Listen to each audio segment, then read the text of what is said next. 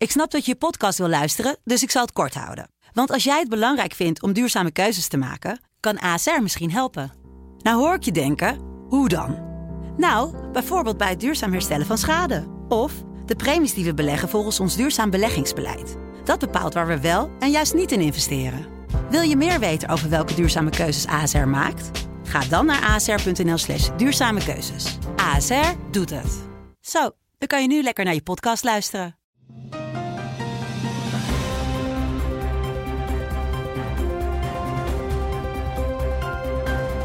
Dit is de Telegraaf podcast. Het land van Wierduk met Kamran Oela.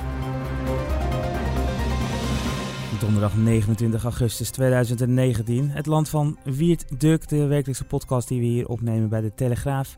Um, en Wiert zit weer klaar tegenover me. Aflevering hoeveel weten we dat? Nee, dat zouden we eigenlijk weer eens even moeten opzoeken. Precies. Eerst gaf ik dat elke keer keurig aan, Ja. elke week. Vanaf volgende week zeggen we weer welke aflevering Ja, het is. gaan we, we gaan het eens even opzoeken en dan gaan we het weer keurig eh, aangeven. We bestaan bijna een jaar overigens ook, eh, volgens mij. We begonnen ergens vorig jaar september. Ja. Eh, ja, nou ja, het, eh, laten, we, laten we dat ook eens even uitzoeken, wanneer dat eh, precies En zo'n eh, enorm is. succes. Ja, ook nog eens. Zoveel trouwe luisteraars die ons vragen, nou waar blijft die podcast en eh, waar gaat die deze week over? Dus eh, Ja. Nou, Heel goed. Altijd mooi om, te, mooi om te zien dat er zo wordt meegeleefd, eh, inderdaad. Ehm, eh, ja, voordat we begonnen met opnemen, hebben we het uitgebreid hier eh, over Ajax gehad. Want dat Ja. was gisteravond. We hebben nog niet eens vooruitgeblikt op de wedstrijden die komen gaan. Maar daar gaan we het niet over hebben. Dat doen onze collega's bij Sport. heel goed. En ook die, Die hebben daar uitgesproken meningen over. die hebben daar zeker uitgesproken. Bijna zo over. uitgesproken als wij. En eh, die podcast is ook wekelijks te, te beluisteren. Kick-off Eredivisie van de Telegraaf. Maar eh, wij gaan het hebben over ehm, eh, politie die optreedt tegen studenten in Utrecht. Daar was behoorlijk wat over te doen. Mhm. En eh, als ik de tweets zo heb gelezen, verschillen wij een tikkie van mening. Dus dat kan Mhm. straks nog wel aardig worden. We gaan het hebben over afvallig in Nederland. Maar we beginnen met iets wat op Twitter heel groot is. En dat is ook logisch, want het is een onderzoek over Twitter. Het is misschien wel Mhm. het best gelezen artikel van De Groene in tijden. Hm. Eh, kan ik me zomaar voorstellen. Groene Amsterdam, het weekblad. Het Weekblad. Mhm. Want eh, die hebben een artikel geschreven over eh, ja, wie de. Eigenlijk een soort onderzoek gedaan. Wie er allemaal op Twitter actief zijn. En wie de meest actieve zijn bij de zogenaamde alt-right en Mhm. alt-light bewegingen. Mhm. Eh, het zogenaamde nationaal, rechtsnationalistische twitteraars. En ik heb het genoeg om de nummer twee tegenover mij te Kijk aan. Oh, dat ben ik. Dat ben jij. Ja, dus dat moeten we misschien een beetje verduidelijken aan de luisteraars. Ehm, de Groene Amsterdammer, dat is een weekblad, en het Algemeen Dagblad, die hebben gepoogd om een bepaalde groep twitteraars in kaart te brengen. Die zij dan scharen onder eh, rechtsnationalistisch. En ze doen ook een poging om dan eh, eh, uit te zoeken wie binnen die groep dan de belangrijkste eh, persoonlijkheden zijn op Twitter. Mhm.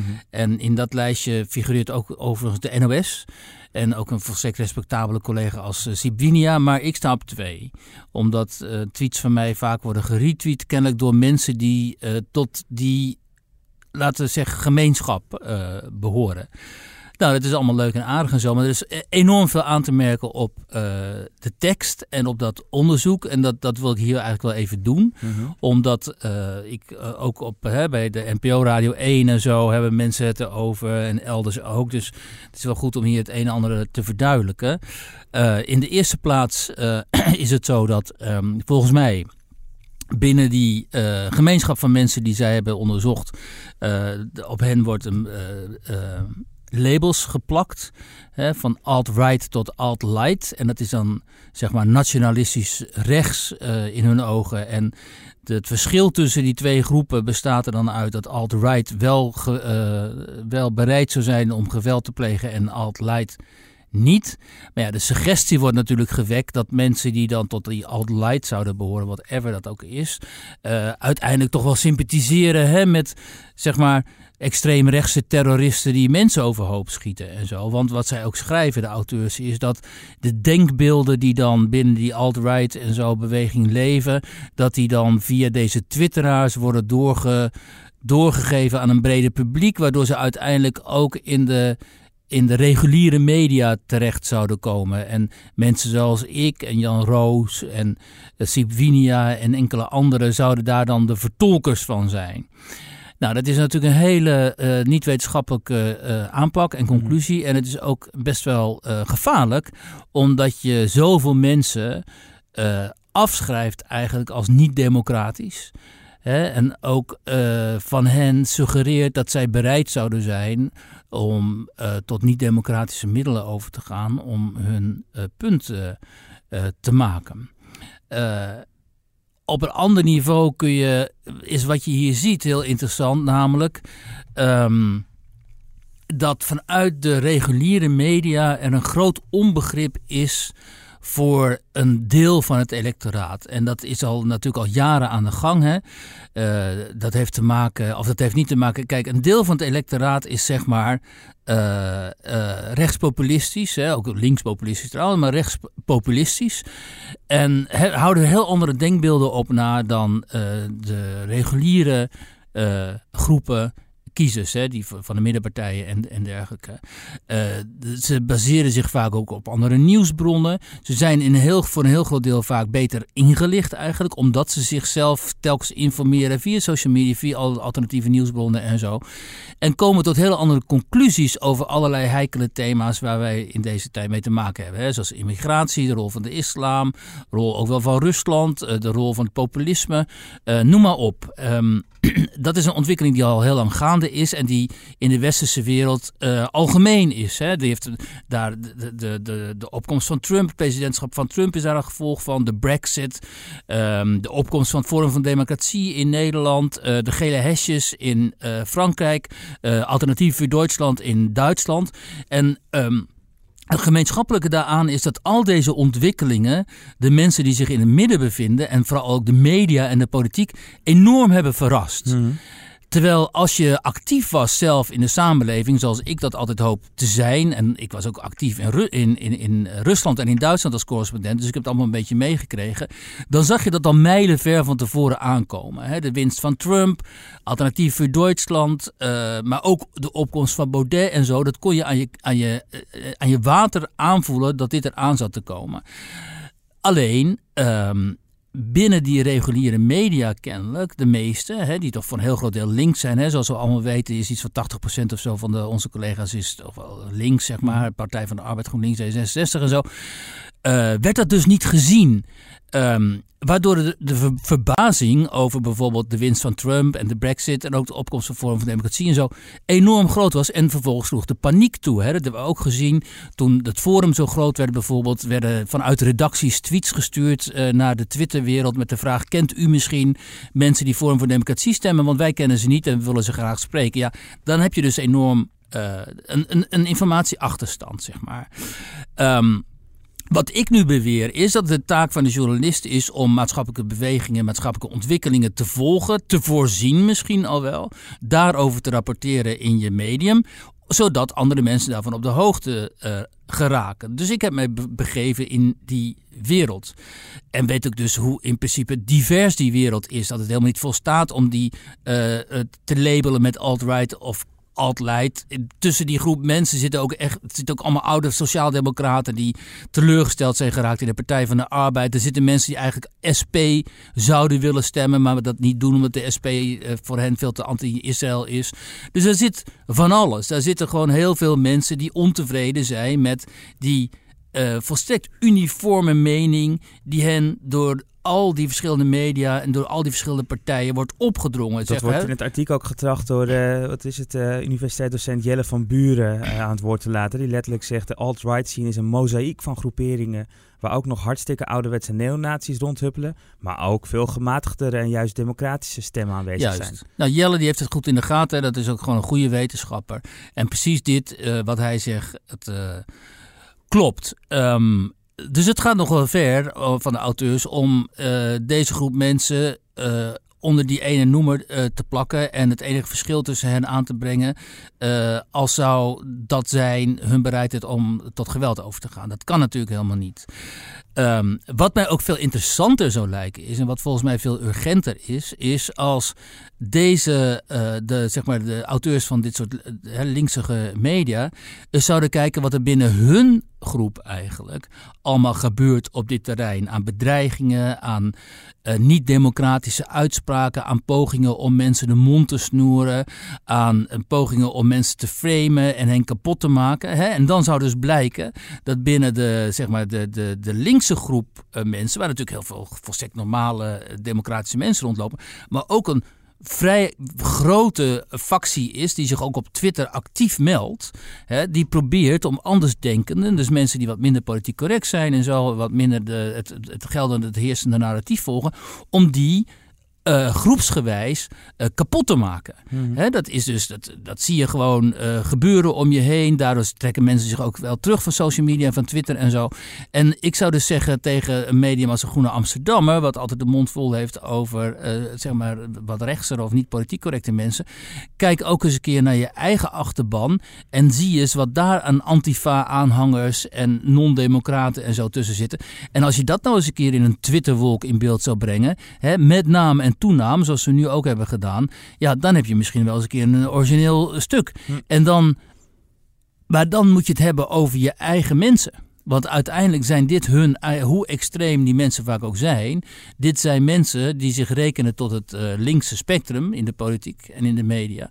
En dan moet je dus het lef hebben om mensen die in principe vinden dat, zij tot jouw groep horen, om die eens een keer uh, kritisch uh, te benaderen. Maar ja, dat, dat, dat, dat gebeurt natuurlijk niet. Dus nee. misschien moeten wij dat maar doen als het al interessant zou zijn. Maar dat is dus een enorm blinde vlek. Hè? En, uh, en dat die blinde vlek er is, dat is heel bezwaarlijk, omdat het betekent dat zij, dat hun sympathie eigenlijk uh, toch wel ook bij dat soort groepen ligt.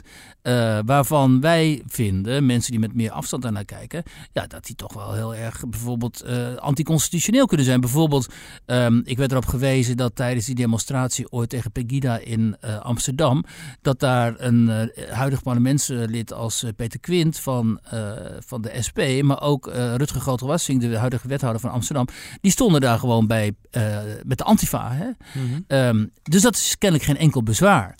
Uh, terwijl wij zouden zeggen, ja luister, die Antifa, dat is een extreem gewelddadige mm. organisatie. Daar moet je helemaal niks mee te maken hebben. Stel je voor dat jij of ik of zo, of, of iemand als Sibinia um, met Pegida zou mee gaan uh, demonstreren. Ten eerste willen we dat helemaal niet, want we willen gewoon niks mee te maken nee. hebben met die, met die hè, maffe acties van hun. Ja. ja. En ten tweede, als je dat wel doet, uh, ja, dan, dan disqualificeer je jezelf natuurlijk volledig. Maar dat, ik, ik denk ook dat iemand, wat je noemde net Peter Quint, als die dit, uh, dit ge, um, um, verhaal leest. Want er waren eigenlijk twee dingen die mij uh, ook nog eens heel erg opvielen. En één daarvan is dat, dat hij in de paarse wolk staat. Middenin zelfs, heel ja, groot, dus ja. heel invloedrijk schijnbaar. Ja, wat is die paarse wolk? Mainstream. Oh ja, mainstream. Dus, uh, dus, dus SP is mainstream. Ja, dus dat, is, dat, dat viel ja. mij. Ik, ik, dacht van, hé, hey, dat, uh, dit, dit, zal die, uh, dit zullen ze leuk vinden. Er zitten dus ook mensen bij als Nadia Boeras en, en Chris Klomp. Die zijn mainstream. en die zijn allemaal mainstream. Ja. in plaats van progressief links of überhaupt gewoon andersoortig links. Nou, zo, zo zie je dus hoe hun blik uh, vertroebeld is. Hè? Want de mensen die jij noemt, de meeste mensen zullen hen niet kennen. Maar de mensen die jij noemt, die zijn dus, bevinden zich echt aan de uiterst linkse kant van mm. het politieke spectrum. Uh, en zien dat zelf ook zo. Hè? Ik bedoel, een, en volgens mij zien die Peter dat zelf. is ook echt trots op. Hè? En, en, en een hele principiële jongen. Hè? Ja. Is ook een of Kamerlid, jongen is, uh, is, hij, is hij niet meer. Maar... Um, en, en, en is een SP'er gewoon, ja. Een SP'er ja. en, en een echt ras echte SP'er. Ja. ja. Um, maar dat is dus, wordt mainstream en dat... En dat, dus, dat verbaasde me ook uh, qua uh, typering in dit, uh, in dit, in dit, ding, in dit artikel. En dat ben ik ook benieuwd naar wat jij ervan vindt. Dus dat um, een aantal mensen, die, waaronder jij dus ook, die wordt genoemd aan, die, aan die andere kant. Dat is dan de zogenaamde lichtblauwe wolk. Mm -hmm. dan zou ik verwachten dat daar misschien een term als rechtsconservatief hangt. Maar dat wordt ja. rechtsnationalistisch genoemd. Dat ja, is, dat is dus ook typisch zo'n voorbeeld van het framen. Hè? Want iedereen weet dat aan nationalistisch dat dat een besmette term is in, in, in heel veel kringen. Uh, um, en om dan die groep inderdaad rechtsnationalistisch te noemen. Um, daarmee laat je dus zien dat je een agenda hebt. Namelijk door hen in een bepaalde hoek te duwen. Uh, die, zoals gezegd, waarvan een deel van die mensen, hè, zoals gezegd, ook geweld niet zouden schuwen. Terwijl het interessant is in die, in, die, in die mainstream en iets links daarvan, daar bevinden zich juist heel veel mensen die eigenlijk echt geweld niet zouden schuwen. Want iemand als Volker van der Graaf, of van die antifa-types die er graag op, op, op mhm. losslaan, ja, die zouden zich dan volgens hun normen kennelijk ook eh, ergens daar bevinden. Want Volker van der Graaf had immers alleen maar een soort van uh, linkse opvattingen over uh, de dierenhouderij en zo. Hè? Dus, um, en dat is wel belangrijk dat mensen dat beseffen. Hoezeer dus, maar goed, heel veel mensen beseffen dat al, maar heel veel andere mensen nog niet. Hoezeer dus reguliere narratief hè, in de politiek, maar ook in de media en in de bestuurlijke wereld en zo. Hoe verlinkst dat eigenlijk is? Of hoe. Het is niet eens de scheiding tussen links en rechts. Het is een soort in beton gegoten wereldbeeld dat zodra dat wordt uitgedaagd, hè, zodra dat bevraagd wordt, uh, in zichzelf keert en degene die hen kritiseren afdoen als rechtsnationalistisch, extreemrecht, uh, fascistisch, nazistisch, in plaats van te denken, uh, misschien is ons wereldbeeld wel vrij beperkt en sluiten we allerlei ideeën en meningen die mensen hebben, die eigenlijk heel interessant zouden kunnen zijn en misschien wel een hele interessante aanvulling zouden kunnen zijn op dat in beton gegoten wereldbeeld dat wij 24/7 uitdragen. Misschien is het wel niet zo handig om dat zo uit te sluiten en op die manier te framen en te, te taboeiseren. Hè? Uh, omdat we misschien wel iets zouden kunnen leren of uh, iets zouden kunnen begrijpen over deze tijd. Want uitgerekend doordat dat wereldbeeld zo, zo, zo, zo gesloten is van hen, hebben zij die belangrijke ontwikkeling waar we het net over hadden, zoals de opkomst van het populisme, zoals de populariteit van Trump, van Brexit, van Salvini in Italië, van Forum van Democratie, van de gele hesjes, van Alternatief voor Duitsland, hebben ze dus gewoon valikant gemist. En nou, dat lijkt me in ieder geval voor politiek, bestuur en media een enorme faal, zoals het heet. Want als jij zo'n de belangrijkste politiek-maatschappelijke ontwikkeling van de afgelopen, laten we zeggen, tien jaar, als je die gewoon echt mist, omdat er in jouw bubbel niemand is die jou daarop wijst, en omdat jij, als, als iemand uit jou, van buiten jouw bubbel jou daarop wijst, diegene af, uh, wegzet als extreem rechts of rechtsnationalist of weet ik veel wat, dan faal je dus. Dan doe je je werk niet goed. En dan ontbreekt het jou aan nieuwsgierigheid over de ontwikkelingen in de samenleving waar je zelf deel van uitmaakt. En dat is eigenlijk wat dit stuk bewijst. Dus uh, het bewijst eigenlijk het tegendeel van wat ze willen aantonen. Nou, laten we er niet te lang uh, nog verder bij, uh, bij stilstaan. nog wel twee grappige dingen die ik dan, tenminste die ik dan weer geestig vind, die ik zo zag, is dat de speld ook wordt genoemd uh, in oh. de, rond mainstream. Terwijl dat is natuurlijk... Uh, ironische site. ja, ja. dat is natuurlijk een satire. En, en ja, één ding klopt dan misschien wel weer. Er is namelijk één iemand heel eenzaam. Die valt nergens in geen enkele groep. Gerrit Hiemstra? Nee, ja, oh. nee, nee. Henk Krol. Oh, Henk Krol, die arme Henk Krol, ja. Die, die, bungelde ergens in zijn eentje op, dat, uh, op die hele grote Ja, maar dat komt, die, die heeft vooral contact met mensen die al overleden zijn. En die dan gelukkig van harte feliciteert met hun verjaardag. Dus, uh, nou, een, onderwerp waar uh, nog volop over gesproken gaat worden en gedebatteerd gaat worden op, op Twitter. Want dat is natuurlijk ook weer het, het mooie. En, en, en ook wel goed om te zien dat slechts twee van de tien mensen in die, in die top 10 anoniem zijn. Wordt natuurlijk heel vaak geroepen, alleen maar iedereen is maar anoniem, iedereen is maar anoniem. Um, en, en een van die anonieme mensen, die uh, ook een trouwe luisteraar van ons, uh, Mirjam, is ook bezocht door de auteurs. En ja. uh, komt ook uitgebreid aan bod in het, in het artikel. Nou, dit lijkt me meer dan genoeg reclame voor De Groene.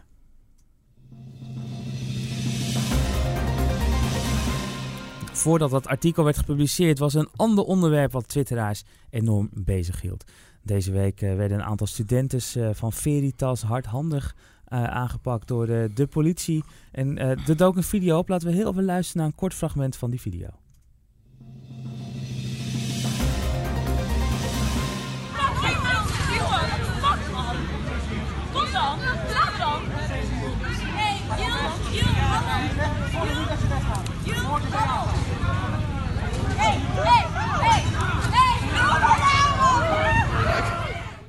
Ja, een hoop gegil. Een meisje die zegt, uh, kom dan, uh, uh, sla me dan. Tegen een agent en vervolgens zien we een agent die dus hardhandig ingrijpt en dat meisje tegen de grond werkt, arm ehm, op, de, op, op de rug legt en bovenop haar gaat, gaat zitten.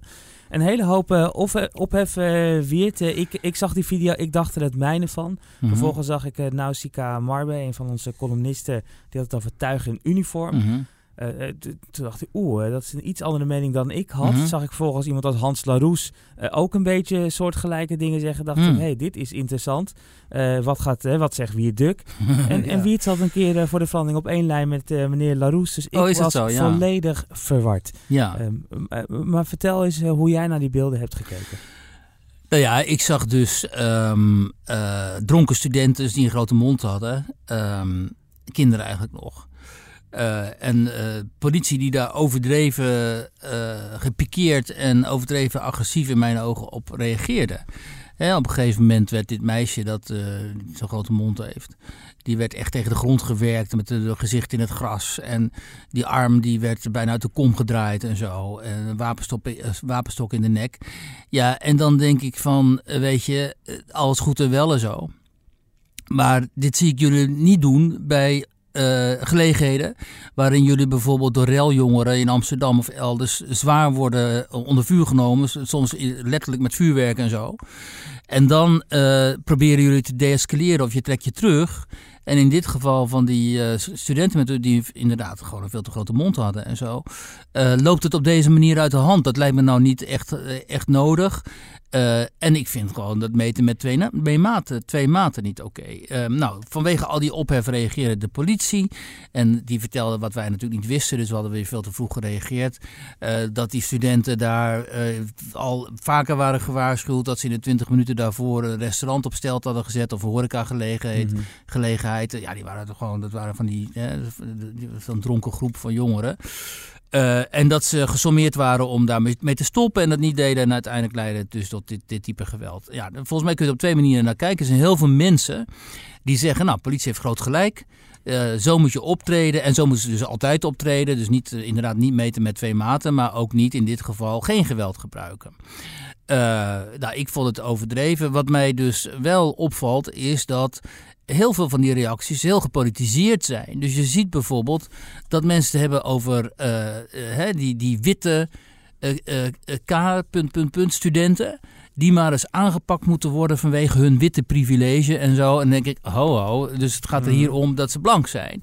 En ook uh, een eh, SP-staatslid uit Utrecht die het had over die K-studenten, uh, die ook uh, in, in, bij de NS, waar hij dan voor werkt, het leven onmogelijk maken en zo. Dus het stond dus kennelijk een soort van plezier werd er, werd er in, had men erin, dat eindelijk dit, dit soort, zeg maar, elitaire ballenstudenten, waar daar komt het waarschijnlijk op neer, ook eens een keer een wapenstok in hun eh, in hun eh, nek kregen. Um, nou ja, eh, kijk, dat vind ik net zo min um, terecht als wanneer je zegt van laat die polities optreden tegen die Marokkaanse uh, jongetjes die, die zo brutaal zijn. Het gaat erom uh, dat je uh, niet met twee maten moet meten. Ja. en dat je niet, en dat je al helemaal moet voorkomen, dat, je, dat de politie wordt gezien als een gepolitiseerde macht die uh, geweld gebruikt tegen groepen uh, waarvan zij weten dat die groepen dat makkelijker zullen accepteren. En dat niet de suggestie wordt gewekt dat wanneer zij optreden tegen, dat ze, wanneer zij niet optreden tegen bijvoorbeeld uh, Turken op een brug in Rotterdam, die dan met vlaggen zwaaien van Turkije en van Erdogan, dat ze dat niet doen omdat ze bang zouden zijn voor die groep. Want destijds in Rotterdam hebben ze overigens wel opgetreden, weet je nog. Nou, daar was er ook heel veel waardering mm -hmm. voor, dat was goed. Dus um, dat was eigenlijk het, het, eh, het verhaal. Um, maar in mijn ogen, ook al hadden die jongens zitten rellen, of die jongeren zitten rellen daar in die horecagelegenheid. Deze meisjes die waren zo overduidelijk gewoon dronken en niet meer toerekeningsvatbaar. Dat kun je volgens mij ook oplossen zonder dat je nou per se half een arm uit de kom draait of een uh, wapenstok in hun nek legt. Ja. Maar ik ben het echt met je eens zoals het gaat over die niet meten met twee, uh, twee maten. Dus uh, de politie moet altijd op dezelfde manier opereren. Als dat ook natuurlijk een eigen veiligheid ja, in ogenschouw nemen. Maar als zij bedreigd worden en daarmee zich terugtrekken, dat betekent wel dat er meer mensen bij moeten. En vervolgens moet die hele groep ook nog worden opgepakt vanwege bedreiging, lijkt ja, mij dan. Ja, en ik snap het best wel hoor, dat de politieagenten zeiden, kijk, geen slecht woord over de politie. En ik snap best wel dat er agenten zijn in bepaalde situaties denken, ja jongens, ten eerste krijgen wij hier, als wij nu gaan ingrijpen, dan krijgen we daar politiek gewoon uh, de gelegenheid niet voor. Dat worden, hè, dan worden we dan krijgen we de hele meute over ons heen. Dus hebben we geen zin in. En dat ze af en toe denken, ja, maar we hebben de middelen niet om tegen dit type agressie op te treden. Mm. Hè? En dat is natuurlijk het probleem. Dat, uh, dat ze niet zomaar iemand kunnen taseren bijvoorbeeld. En dat ze daar al verantwoording voor moeten afleggen en zo. Dus ze zitten ook in een hele heikele situatie. Maar ik denk ook in deze situatie weten we nu achteraf uh, dat ze al twintig minuten bezig waren met die groep. Die groep was al veel langer daar vervelend aan het doen. Hè? Vertelt de eigenaar van het restaurant. En je weet zelf hoe vreselijk vervelend dat, dat soort luiden kunnen zijn. Ja, kijk, ik, ik ben uh, ik kan me ook voor mezelf voorstellen dat ik, uh, als ik iets te veel, een slokje te veel op heb en net, net op het verkeerde moment, dat, dat ik misschien ook me niet gedraag. Maar ik vind wel dat als het gezag, in dit geval de politie zegt, en nu wegwezen, dan, moet je dan wegwezen. Heb je, dan heb je naar te luisteren. Ja. En als je dat al twintig minuten niet doet, en vervolgens wordt gezegd, als je het nu niet doet, dan pakken we je op. Ja. En vervolgens zegt, kom dan. Ja, dan zit er wat mij betreft ook maar één ding op. Dan moeten ze ook gewoon opgepakt worden. En als je het niet mee eens bent, dan hebben we in het land een ombudsman en weet ik veel wat voor allemaal instanties. Ja, dan ga je daar maar je beklag doen dat je te hard bent aangepakt. En we weten inmiddels ook met een uh, Mitch Henriquez, wat natuurlijk op een heel andere schaal was, nou ja, dan kan je ook wel in het gelijk worden gesteld. Ja, maar in dit geval, mensen moeten het filmpje maar eens kijken. Dat meisje was eigenlijk al aan het weggaan. He, ze was dus niet meer in principe um, uh, een, een soort van, hoe dan ook, een bedreiging. Of ze was niet echt meer de orde aan het verstoren. En ze werd min of meer geprovoceerd weer. Dus het liep gewoon op een hele vervelende manier ja. uh, uit de hand. En kijk, en ik zie dan natuurlijk, kijk niet dat mijn dochter dat zou doen. Maar ik zie dan als ik dat meisje met haar hoofd in het gras zie huilen en schreeuwen en zo. Dan zie ik wel een kind daar liggen. Ja. En dan denk ik, stel je voor dat hij mijn dochter zou overkomen. Mm. Dan zou ik ook echt uh, uit mijn vel springen. Om twee redenen. Om vanwege haar domme gedrag. Ja. Maar ook dat een of andere vent daar gewoon met zijn knieën in haar nek gaat, gaat mm. zitten. Hè. Dan, dan, dan zou ik ook hels worden. Dus um, ja, uh, het is een dilemma.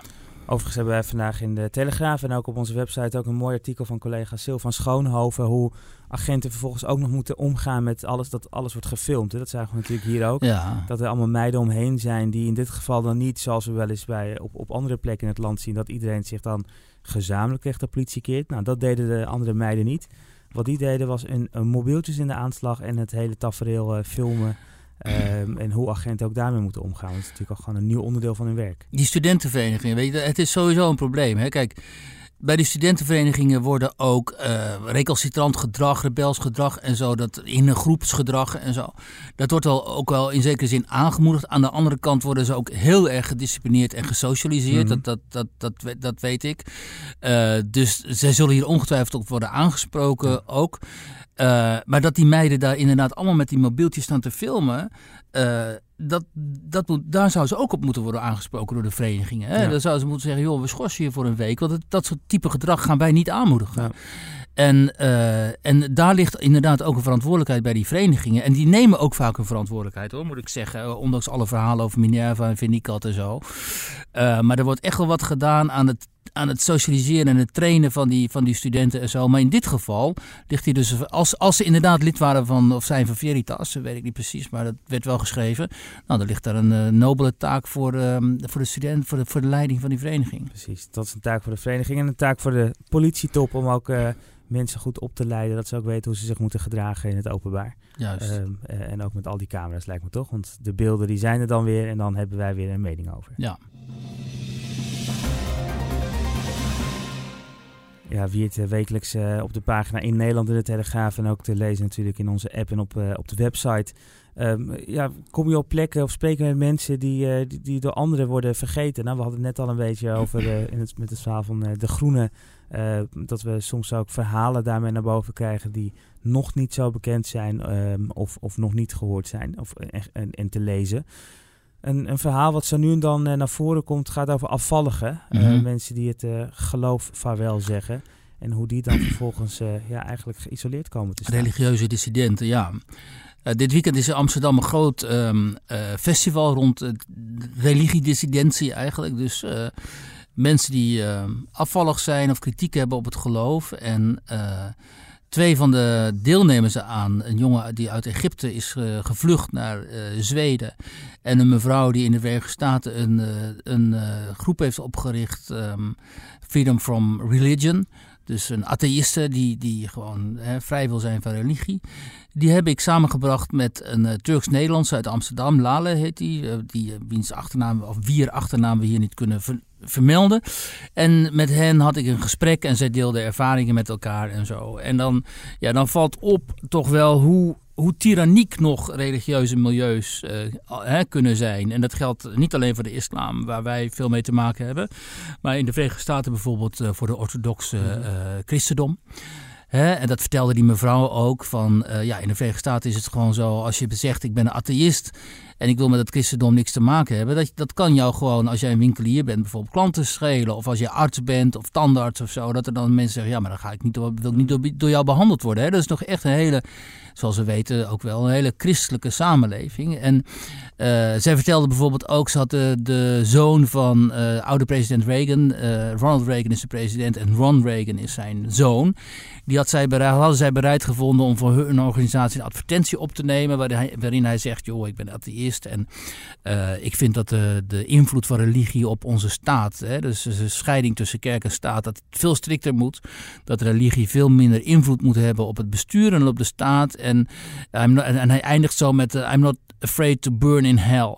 En dat is heel grappig als je het film ziet, zo'n keurige man die dat dan zegt en zo. Maar um, grote omroepen, CBS, NBC en zo, die hebben dus dat filmpje geweigerd. Hè? Die zijn dan bang dat zij daarmee hun kijkers, hun, eh, hun uh, publiek uh, kwetsen. Hmm. Omdat mensen tegenwoordig zo enorm snel gekwetst zijn.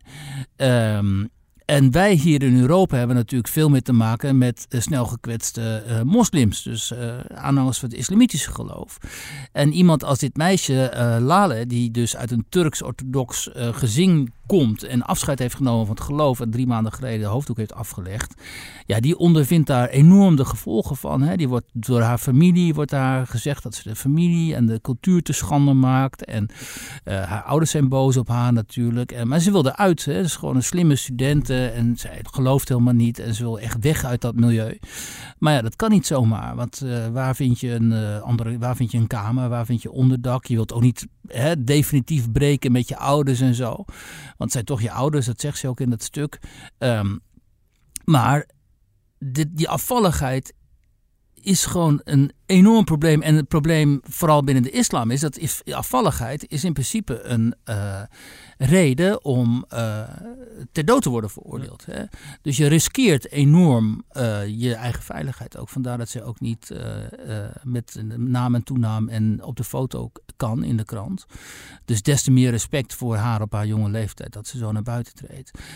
goed, dat komt dus dit weekend allemaal samen in die baan in Amsterdam. Hè. Er komt ook die, de, die mevrouw van Charlie Hebdo, weet je wel, die, die ook vanuit de islam mm -hmm. komt. Ehm, en andere hele interessante mensen, die gaan hierover praten. Maar uh, ik denk dat heel veel mensen zich nog altijd niet realiseren dat dit ook in Nederland uh, gewoon echt een groot probleem is. En dat er dit soort discussies en debatten en ruzies en zo zich afspelen achter heel veel voordeuren van ja. en islamitische milieus, maar ook nog wel die orthodox-christelijke milieus op de Bijbelbelt ja. natuurlijk. En uh, zowel met afvalligheid, maar we zien het ook breder met bijvoorbeeld mensen die uh, uitkomen voor een, uh, dat ze homo's zijn. Ja, homoseksualiteit. Het, ja. het hetzelfde. Dus ja. Um, dat je eigenlijk geïsoleerd komt te staan of di religieus dissident. ja, het gaat echt om religieuze dissidenten en, en intolerantie ten opzichte van hun. En onze samenleving wordt er sowieso niet toleranter op. Hè? Dus dan, dan um, de, de mate waarin zij daar onder te, te lijden hebben, dat is echt... Uh, uh, nou ja, heel uh, verontrustend eigenlijk. Dit weekend dus in, in de Bali. Mooi dat we zo'n vrijplaats hebben waar we dit soort gesprekken ja, heel goed, plaats ja. kunnen, ja. kunnen vinden. Um, dit waren de drie onderwerpen waar we het over wilden hebben. We komen zo denk ik weer een beetje bij het einde van deze podcast. Is er nog een uh, mooie tip of zo die we mee, uh, mee kunnen geven? Iets wat je recent gezien of gelezen hebt? Aan, uh, aan onze luisteraars. Ja, ja ik, ik had het net over Ronald Reagan. En ik ja. me opeens denken dat deze week bij de NPO notabene Tricky Dick, ja, Tricky een, Dick. een, een, ja. een, documentaire over Nixon is. Ja. Ik heb eh, de, net de eerste aflevering eh, gezien. Maar wat mij betreft echt een aanrader. Het is allemaal met echt beeld uit die, uit die tijd. En het Ja, is fantastisch, eh, prachtig anno Ja. 2019 gemaakt. ja. Lekker tempo erin. Ja. Ja. Nou, als mensen eh, nostalgische gevoelens hebben naar die periodes, dan kunnen ze ook naar de bioscoop natuurlijk, naar die nieuwe film van Tarantino die ik gezien heb, die weliswaar niet zo heel verschrikkelijk goed is inhoudelijk. Maar visueel is het een enorm eh, plezier, want die Tarantino is obsessief bezig om tijdperken in beeld te brengen, hè, nauwgezet tot in de details. En Brad Pitt en eh, DiCaprio die spelen daar fantastische rollen in het, eh, in het Hollywood van eind jaren 60, begin jaren 70. Hè, de tijd dat Charles Manson en, eh, met zijn eh, secte daar eh, ehm, Sharon Tate vermoordde en nog, nog een aantal. Die hele hippiecultuur en zo, dat ziet er fantastisch uit. En nou ja, ik heb nog enigszins herinneringen aan die tijd. Dus voor mij was dat een groot plezier. Dus mensen van mijn leeftijd en iets jongeren, of al jongeren die eens willen weten hoe dat er toen uitzag, die moeten daar in ieder geval naar gaan kijken. Nou, de nieuwe Tarantino als tip Ja. genoteerd. Eh, en daarmee komen we echt tot het einde van deze podcast. Eh, volgende week dan zijn we er uiteraard weer. Tot dan. Dank voor het luisteren.